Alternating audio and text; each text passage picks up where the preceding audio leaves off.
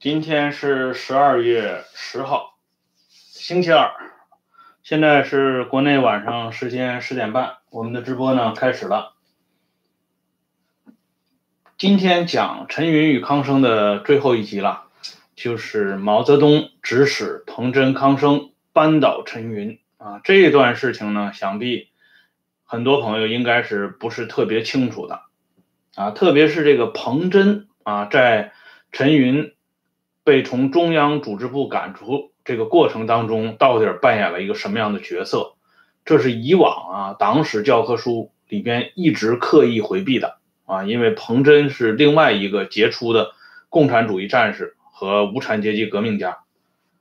可是呢，这彭真在陈云从中央组织部黯然下台的这个过程当中起的作用，几乎跟康生不相上下。所以呢，我们也要对此做一个详细的交代。陈云到了延安以后，毛泽东借助陈云重新整合中央组织干部系统，把这个权力呢从周恩来和博古的手中夺了过来。所以呢，毛泽东对陈云一开始是非常器重的啊。具体的表现就是一九四二年的时候，毛泽东搞了一个小舰队。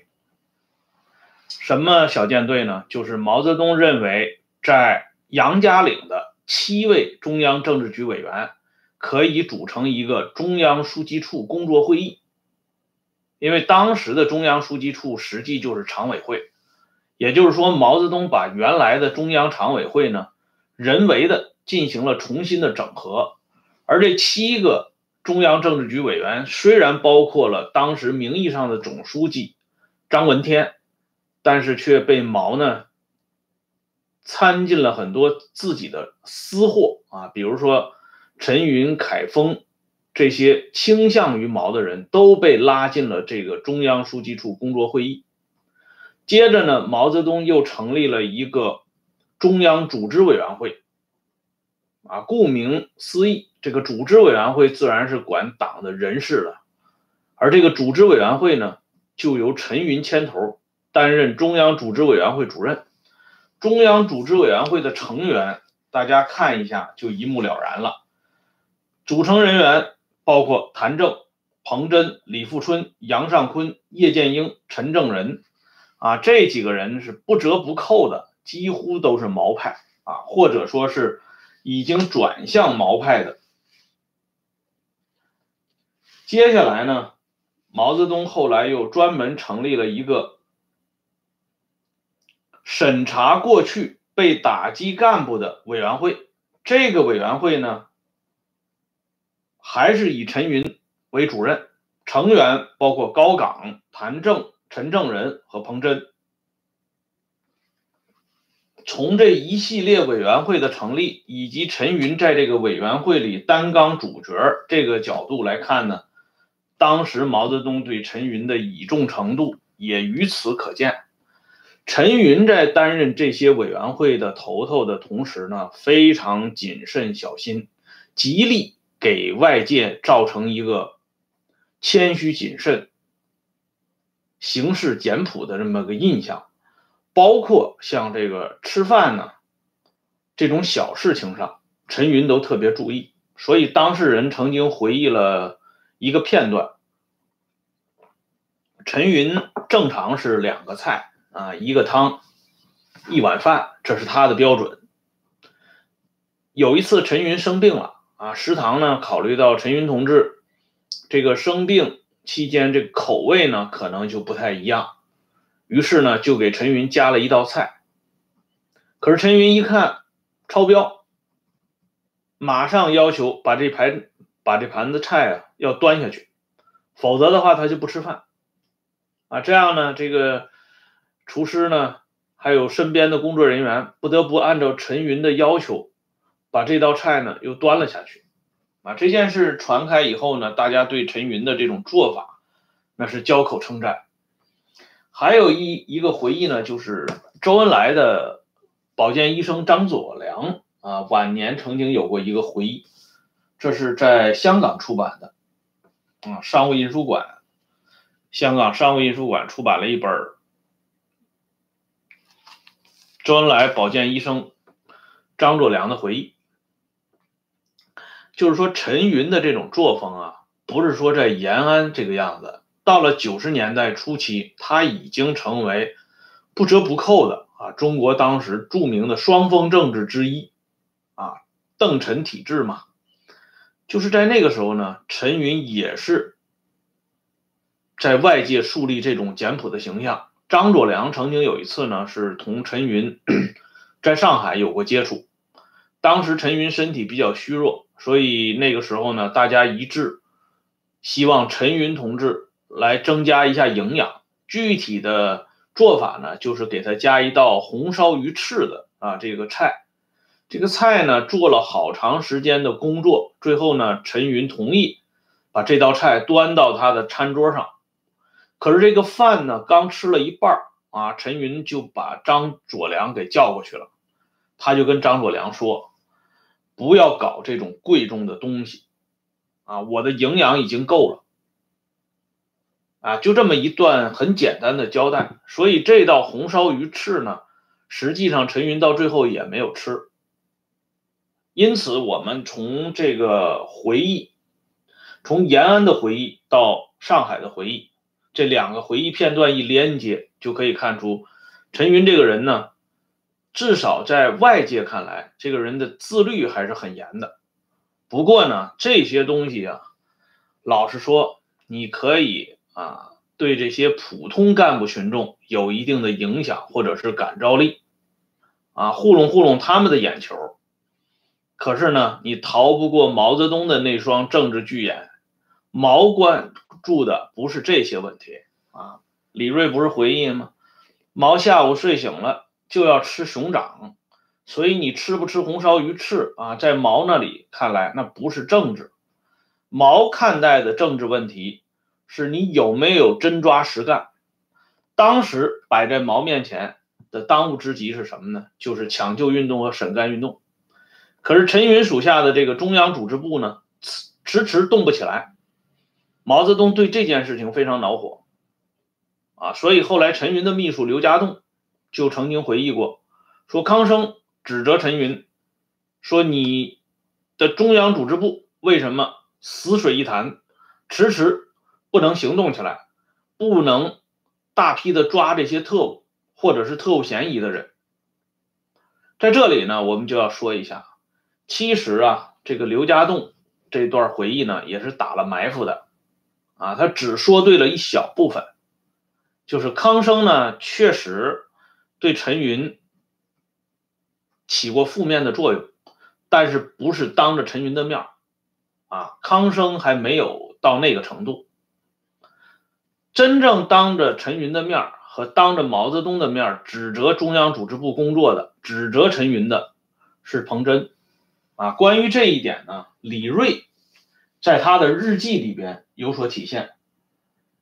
一九八九年九月二十二号的日记当中记载了这么一件事情：啊，陈伯春原来东北局组织部副部长陈伯春在那一天下午呢，到李锐的住处，两个人呢谈了一下午，一起呢就谈到延安中央党校第一部的抢救运动。这个话题一旦打开呢，就有点刹不住了，所以自然就涉及到彭真啊，因为陈伯春呢是高岗的旧部，在东北局的旧部，因此啊，陈伯春知道一些相当的秘密的东西。因为那个时候李瑞在延安呢还是个小角色啊，很多内幕的东西他还不清楚，但陈伯春就不一样了啊。陈伯春说，当时在延安中央党校整红旗党。彭真是领头的，彭真手下有两大干将啊，整人整的最厉害。一个是黄火清啊，这个我们之前专门做过一期节目啊，讲这个曾经担任最高人民检察院检察长的黄火清。还有一个人呢，就是李宝华。我们都知道，后来担任过安徽省委第一书记和水利部部长的李宝华，他的老爹呢叫李大钊。彭真手下这两个人。一个黄火清，一个李宝华，这两个人整人是最厉害的。后来呢，由康生来接手。同时啊，陈伯春还讲了这么一件事情，就是彭真责备陈云中央组织部动不起来。啊，从这个回忆里边呢，我们就可以看到啊，真实的这一幕啊，以往党史教科书刻意要掩盖的就是这么一个事情。陈云和彭真之间的嫌隙啊，应该说是非常深的，啊，两个人就是从这个时候做下扣了。到了东北的时候，两个人的矛盾呢，再一次的升级。而在东北时期，围绕着辽沈战役的一些功过是非的纠缠呢，一直延续到上个世纪八十年代中期。以至于后来韩先楚啊主编的那套辽沈战役的丛书，在出版前后过程当中呢，陈云和彭真的矛盾终于爆发出来了。这个状子啊一直告到邓小平那里，啊，邓小平一看这个情况也是搞不定呐，你不可能专门指责哪一方，这哪一方实际上都得罪不起，所以邓最后呢就是采取了一种和稀泥的办法。各打五十大板，两个人说的都对，都存档啊，都存进中央这个档案馆里面，都作为正面的史料出现。哎，所以呢，陈云之所以啊跟这个彭真在后来过不去，这个原因可以一直追溯到延安时期，而且呢，毛泽东在这个里边起了一个什么样的作用呢？是显而易见的。因为彭真当时尽管他是冲锋在前的干将啊，在抢救运动当中起了很多重要作用的，可是陈云到底是名正言顺的中共中央书记处书记，那是常委啊，又是中央组织委员会主任，又是中央组织部部长，啊，还挂着其他的一些头衔儿，这么一个人物，如果没有毛泽东的支持和指使，彭真是不敢公开同陈云叫板的，因此呢，在这里呢，我们就可以看到毛泽东的身影。毛之所以对陈云有这样的看法啊意见，以至于呢，转变了他最初对陈云的印象，这是有一定原因的。首先一点呢，毛认为陈云这个人。不愿意干脏活啊，所谓的脏活就是把他麾下的这些人纷纷打成特闲，或者是配合抢救运动的主流，抓一大批的特务。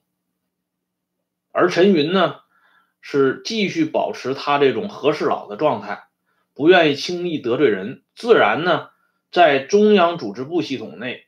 就引然形成一个以陈云为首的这么一个小帮派，而这个小帮派的头面人物呢，就是陈云的政治秘书王鹤寿。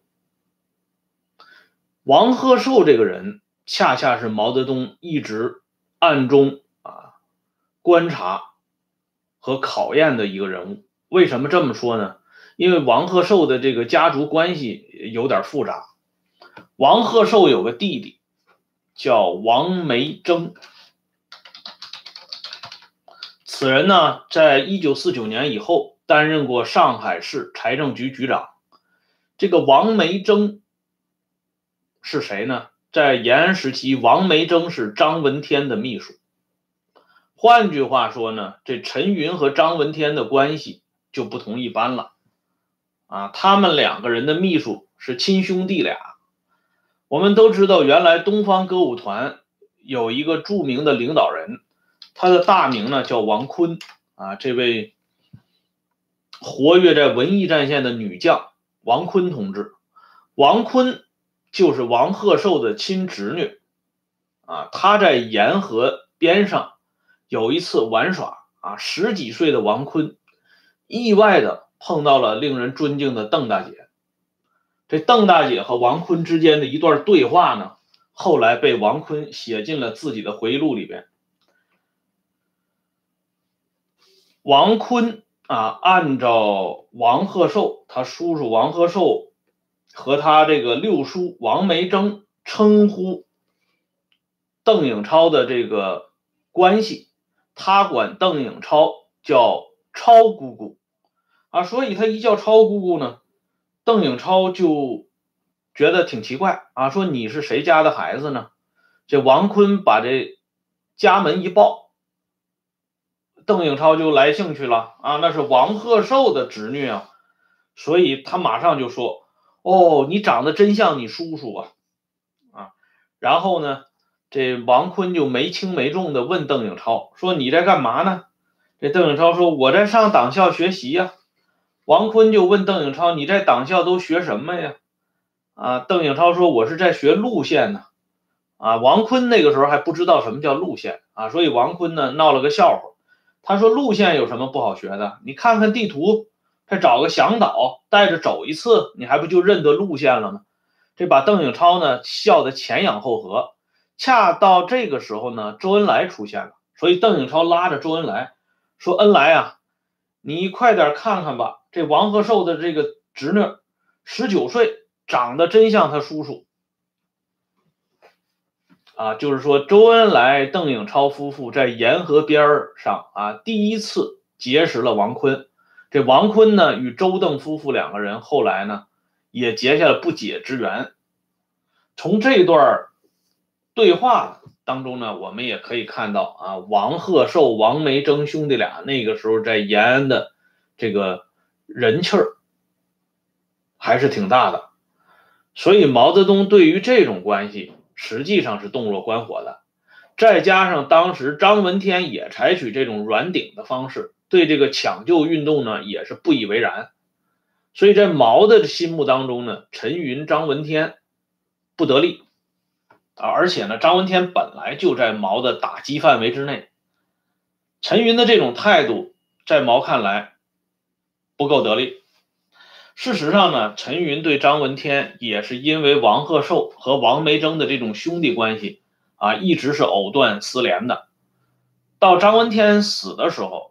当时的中央呢，对张闻天的事情处理的非常冷漠，啊，就是甚至呢，不准搞追悼会和遗体告别仪式。当时张闻天死在无锡，无锡方面给北京发电报呢，就是准备搞一个小型的追悼会，省里市里呢派一个一般级别的干部参加。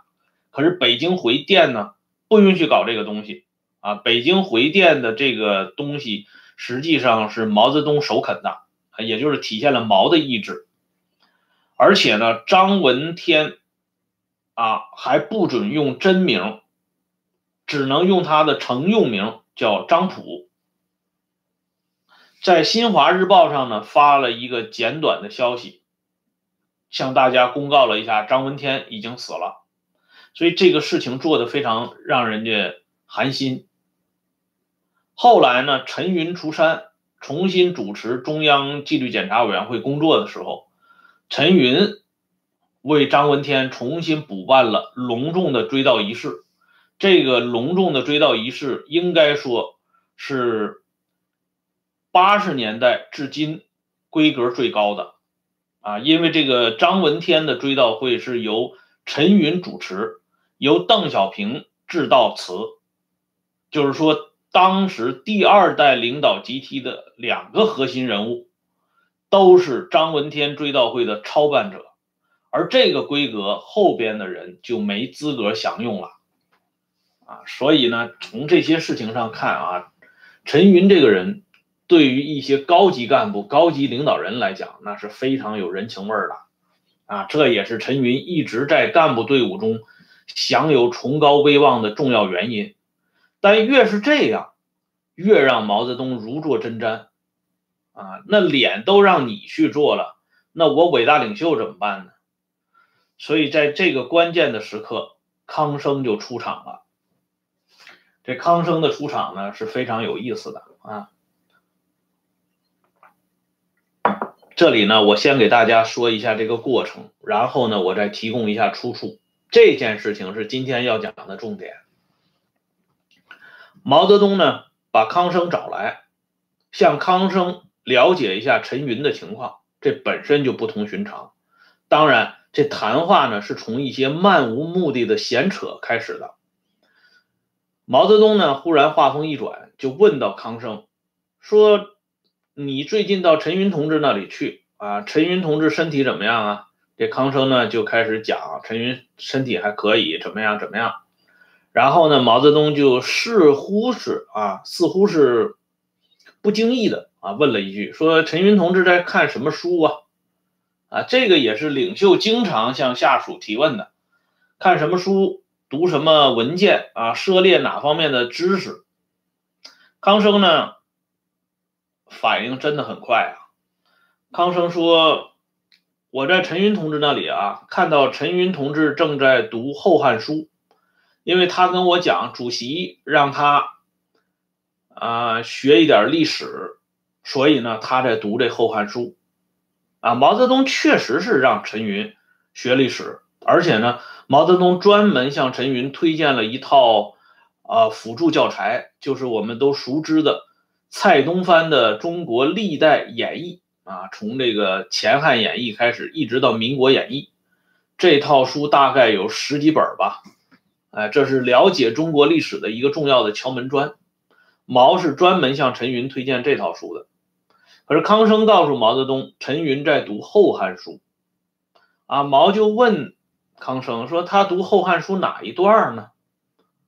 啊，康生说：“我看陈云同志在读《光武帝本纪》，啊，《光武帝纪》就是我们都知道东汉的皇帝，第一个皇帝就是汉光武帝刘秀，啊，就是说陈云在读刘秀的传记。”啊，毛泽东听完这个话以后呢？毛泽东就说了一句古文，啊，他说：“无理天下，意欲以柔道行之。”康生同志，你以为怎么样呢？这个话是怎么个起头呢？就是在建武十七年啊，光武帝的年号叫建武，建武十七年，光武帝衣锦还乡，回到老家南阳，这些三姑六舅们。啊，就围着皇上在一起吃饭喝酒啊，聊聊家常。这个时候呢，光武帝的亲属当中，这些老太太们就恭维皇帝，说文殊当年呢，啊正直平和柔顺，没想到今天成就这么一大番事业。这个文殊呢，是光武帝的字号，因为是老一辈的亲戚嘛。啊，在宴饮之间可以这个不用拘泥于宫廷的礼节，就称呼光武帝的字号，显得更为亲切。光武帝一听这话呢，就乐了，就说了刚才毛泽东讲的那段古文啊：“无理天下，意欲以柔道行之。”光武帝的这话翻译成今天的白话文呢，就是说我啊，谢谢贺先生打赏啊。光武帝说：“我治理天下呀，也是要用用这种柔术、柔和之道来搞啊，这是表达了光武帝治国理政的一个主线。所以毛泽东用光武帝的这段话来反问康生，说：‘康生同志，你怎么看呢？’康生的这反应也相当之快。”康生马上就接上来了。康生说：“我读了主席的湖南农民运动考察报告，主席一再教导我们说啊，革命不是请客吃饭，啊，不能那么雅致。”毛泽东哈哈一笑。要说毛这个人厉害之处就在这里啊，他为什么能够领袖群伦啊，削平群雄？康生刚提一句啊，陈云在读《光武帝纪》。毛就一下子能想到建武十七年这个典故，而且一下子就能抓住这个主要矛盾，这就是为什么党内这些高级领导人对毛那简直就是像老鼠见了猫一样，啊，就是毛这个人往往一针见血的抓到啊主要问题，让你呢无法回避，必须要正面回答。接下来的这个问话就更有深意了。毛泽东就问康生：“你认为陈云同志怎么样？”单刀直入啊！要说康生这个人啊，为什么能够在毛跟前站住脚跟，并且始终深得毛的信赖？就在于康生这个人的反应啊，这个人的头脑以及这个人的思维，那是不是常人可比的？因为领袖问你啊，张三儿怎么样，李四怎么样，这不是让你夸张三儿、夸李四，而是让你把张三李四的负面的东西说出来。为什么这么讲呢？因为这些话，领袖是不好说出口的，领袖是要做脸的，屁股是要你们来做的。所以康生也简单的说出了啊，非常直接的回答了毛的话，因为毛就需要听是与不是这么简单的回答啊，他不需要听那些片汤的话，那些铺垫的东西。所以康生直接点出问题，说我认为陈云同志。在中央组织部主持工作期间，喜欢搞小帮派，这样呢，这两个人的谈话就告一段落了。有的人啊，有的朋友说想打赏，给你个打赏的扫码，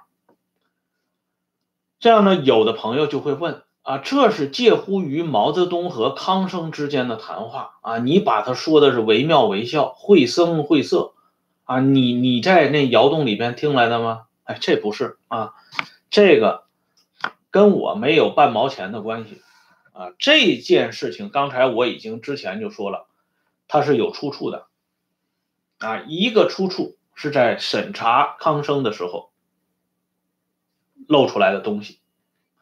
说康生在延安时期，就像主席啊，像毛泽东同志诬陷过陈云同志，他诬陷陈云同志在中央组织部一手遮天，搞团团伙伙。事实上，正是康生在延安一手遮天，搞团团伙伙，他把这个罪名反而扣在陈云同志的身上。这么一段话，恰恰就是证实了毛泽东和康生之间确实有这么一次重要的谈话，关乎于陈云的政治命运。还有一个是陈云自己说的，啊，他在给康生定性的会上，陈云专门讲过这个话。他说：“主席当初呢，让我学一些历史的知识，他让我读蔡东藩的小说。”主席还建议我从《民国演义》开始读，从后往前读，这样呢读的就更清楚一点。可是康生却胡说八道，说我读什么《后汉书》，还说我想学什么刘秀，啊，这简直是胡扯！啊，陈云的讲话大意如此。第三个证实的人就是李瑞了，啊，李瑞老人生前。啊，讲过这个事情，啊，谢谢贺先生再次的打赏啊，就是毛泽东与康生啊，这是李瑞担任中央组织部常务副部长以后掌握的资料啊。毛泽东曾经问过康生，对陈云怎么看？康生做了不利于陈云同志的汇报，这个汇报对陈云同志后来是有一定的负面的影响的。啊，由此这三个出处捏合到一起，这毛泽东和康生之间的这次谈话的基本轮廓就展现到我们面前了。啊，这伟大领袖要搞掉这么一个重量级的人物啊，就是这么入手的。所以呢，接下来的这一幕呢，就发生了，发生了一个什么的一幕呢？就是一九四三年三月份，毛泽东、刘少奇、任弼时。组成新的三驾马车，即中央书记处，而陈云他们呢，自然被屏蔽在外边了。接下来呢，又成立了中央组织委员会，重新成立的这个中央组织委员会，不再以陈云为主任了，而是以刘少奇为主任。更主要的是，毛泽东借口陈云身体不好啊，当然陈云身体确实是有问题，就在。书记处重新整合的这个月三月份，啊，中央书记处工作会议根据医生的建议，决定陈云休养。陈云休养期间，中央组织部重要问题请示刘少奇同志处理。这样呢，陈云虽然在一九四四年交班，但实际上从一九四三年三月就已经退出中央组织部的整体管理工作了。而在这个过程当中呢，还有两件小事值得让我们回顾一下。一个呢是陈云的老婆于若木同江青之间的关系啊，要么说党史呢，到关键的时候，这些老大姐们。就要挺身而出了，几乎没有一个这个党史上的悬案不跟这个女性有直接关系的，所以有人就总结过说，左派运动啊，世界上一切左派运动都是两个内容，第一个内容是性，第二个内容是犯罪啊，所以这左派运动，你从这个女性入手那是正解啊！这于若木呢，在马列学院同江青是同班同学，这两个人关系很近。在江青和毛泽东结合的时候啊，后来杨尚昆有这么一个回忆。杨尚昆的这个回忆呢，是陈云跟杨尚昆说的啊，说陈云曾经以中央组织部部长的名义找江青谈过一次话，说主席啊，就指毛泽东有老婆，还没有离婚，你就要注意了啊，你这么明目张胆的总去主席的窑洞里边，这影响不好。江青随口就告诉了毛泽东，那时候毛泽东和江青还没有正式啊结合。那个时候还处于暗度陈仓的状态，但是江青就把这个话告诉毛泽东了，毛泽东非常生气啊，毛泽东就把陈云找去了，说你这个中央组织部部长竟然管到我家里的事情来了，啊，事实上呢，当时毛和江青已经完成了，呃，具体的程序了啊，这个具体程序我们就不描述了，也是不可描述的事情。啊，陈云当然不知道了，所以毛泽东把陈云找过去，啊，对陈云进行了这个批评。陈云这个人的特点啊，就在于他非常聪明，啊，他知道这个毛的态度以后呢，他就很快就明白毛是什么意思了。毛对江青到底是一个什么样的感情？所以当。陈云和于若木两个人结婚以后，啊，于若木跟江青是同班同学呀，所以陈云就告诉于若木，在江青面前一定要谨言慎行。哎，于若木呢，在这方面做的还是非常好的，所以在延安时期，这些高级领导人的伴侣当中，极少数被江青能够看得上眼的，就是陈云的老婆于若木。啊，江青呢曾经专门夸奖过于若木，他说：“你不与别人讲平均主义，不计较待遇。”啊，这是夸于若木。为什么夸于若木呢？啊，因为我们都知道啊，当时延安的这个物资供给非常匮乏，只有毛泽东等少数领导人呢可以穿这种斜纹布的衣服，多数的普通干部呢都要穿平纹布的。但是江青不一样啊，江青是毛的夫人，所以江青也穿斜纹布。可是于若木呢，他是比较谨言慎行的，他就按照陈云的要求，于若木穿普通干部穿的那种平纹布。但是于若木虽然穿平纹布，却没有啊在人前人后对江青穿斜纹布的这个问题呢指手画脚。因此江青大发感慨啊，称赞于若木说：“你不比。”不与别人讲平均主义，啊，这就是夸于若木。但是江青没想到啊，到了一九七零年，公开给江青点名道姓的贴大字报的，就是这位文质彬彬的于若木啊。当然，这都是后话了，那是另外一起一场波澜了，啊，这是一件事情。还有一件事情呢，也是非常小的一段故事啊，发生在毛泽东和陈云的一次啊。饭后闲谈当中，啊，这是在找人。有一天呢，午睡之后，毛泽东、张闻天、陈云三个人出来散步，碰到一起，然后呢，毛就提出来啊，我们也搞个活动，正好刚刚休息好。然后陈云就说了，那是下棋呀，还是打牌呀，还是练射击呀？这三样啊，随主席挑。毛泽东一听，太有挑战性了啊！你陈云还要提打牌啊，还要提下棋，还要提射击，那我就挑一个难度最高的吧。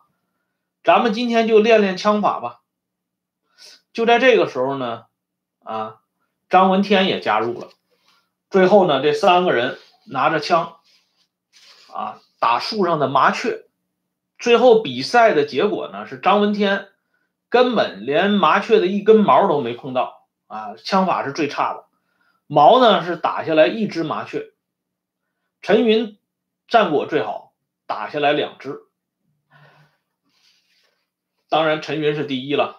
啊，陈云这一高兴呢，啊，也不知道是因为高兴啊，还是午睡啊，休息的比较好的原因。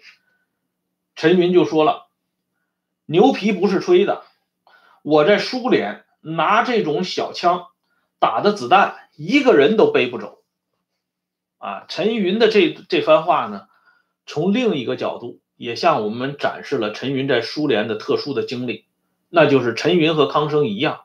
都经过苏联内务部的特殊培训，枪法非常准。毛听了这话以后呢，相当不服气啊！啊，毛有一个辩解，毛说：“我才打过几枪啊，所以说呀，还是我的枪法准。你打了那么多枪，还有一枪打偏了，我从来没怎么打过枪，甚至都没有背过枪，我都能打下来一只麻雀。所以呢。”还是我的枪法准。这个事情啊，发生在一九四三年二三月间。啊，为什么提这个日子呢？因为这练这个比比对枪法之后不久，陈云呢就被宣布要去休养，然后中央组织部的工作呢就被剥夺了。这两者是不是啊有什么内在的联系呢？现在还没有第一手资料。进行查对，但是我个人认为，历史上的这些事件从来是不存在巧合的。这个比赛枪法的回忆出处呢，是在毛泽东的厨师李耀宇的口述当中出现的。大家呢可以去查对。这样呢，在毛泽东的精心安排下，陈云不得不离开了中央组织部。而后呢，陈云再也没有回到。中央组织部的这个岗位上来，直到毛死了以后，陈云通过他的秘书才重新把中央组织部掌握在手中。而毛用彭真取代陈云，在一九四四年用彭真取代陈云担任中央组织部部长，但是毛仍然留了一个后手，他认为彭真与刘少奇的关系太近，因此呢，毛挖掘了另外一个秘密棋子儿。就是我们都知道的高饶事件的另一个主角饶漱石。毛泽东曾经让饶漱石取代彭真担任中共中央副秘书长兼中央组织部部长。这一段短暂的过渡呢，是杨尚昆晚年具体回忆的。当然，这是另外一个彭真的话题了。好了，今天呢，关于陈云与康生的这个系列就告一段落了。从明天开始，我们正式回到文革史系列当中来。首先要讲到的是罗瑞卿倒台之谜。欢迎大家明天在中国时间晚上十点十五分左右上来继续收看和收听。感谢今天贺先生的打赏，感谢朋友们收看。欢迎大家继续踊跃订阅《温相说党史》，订阅不花钱。再见。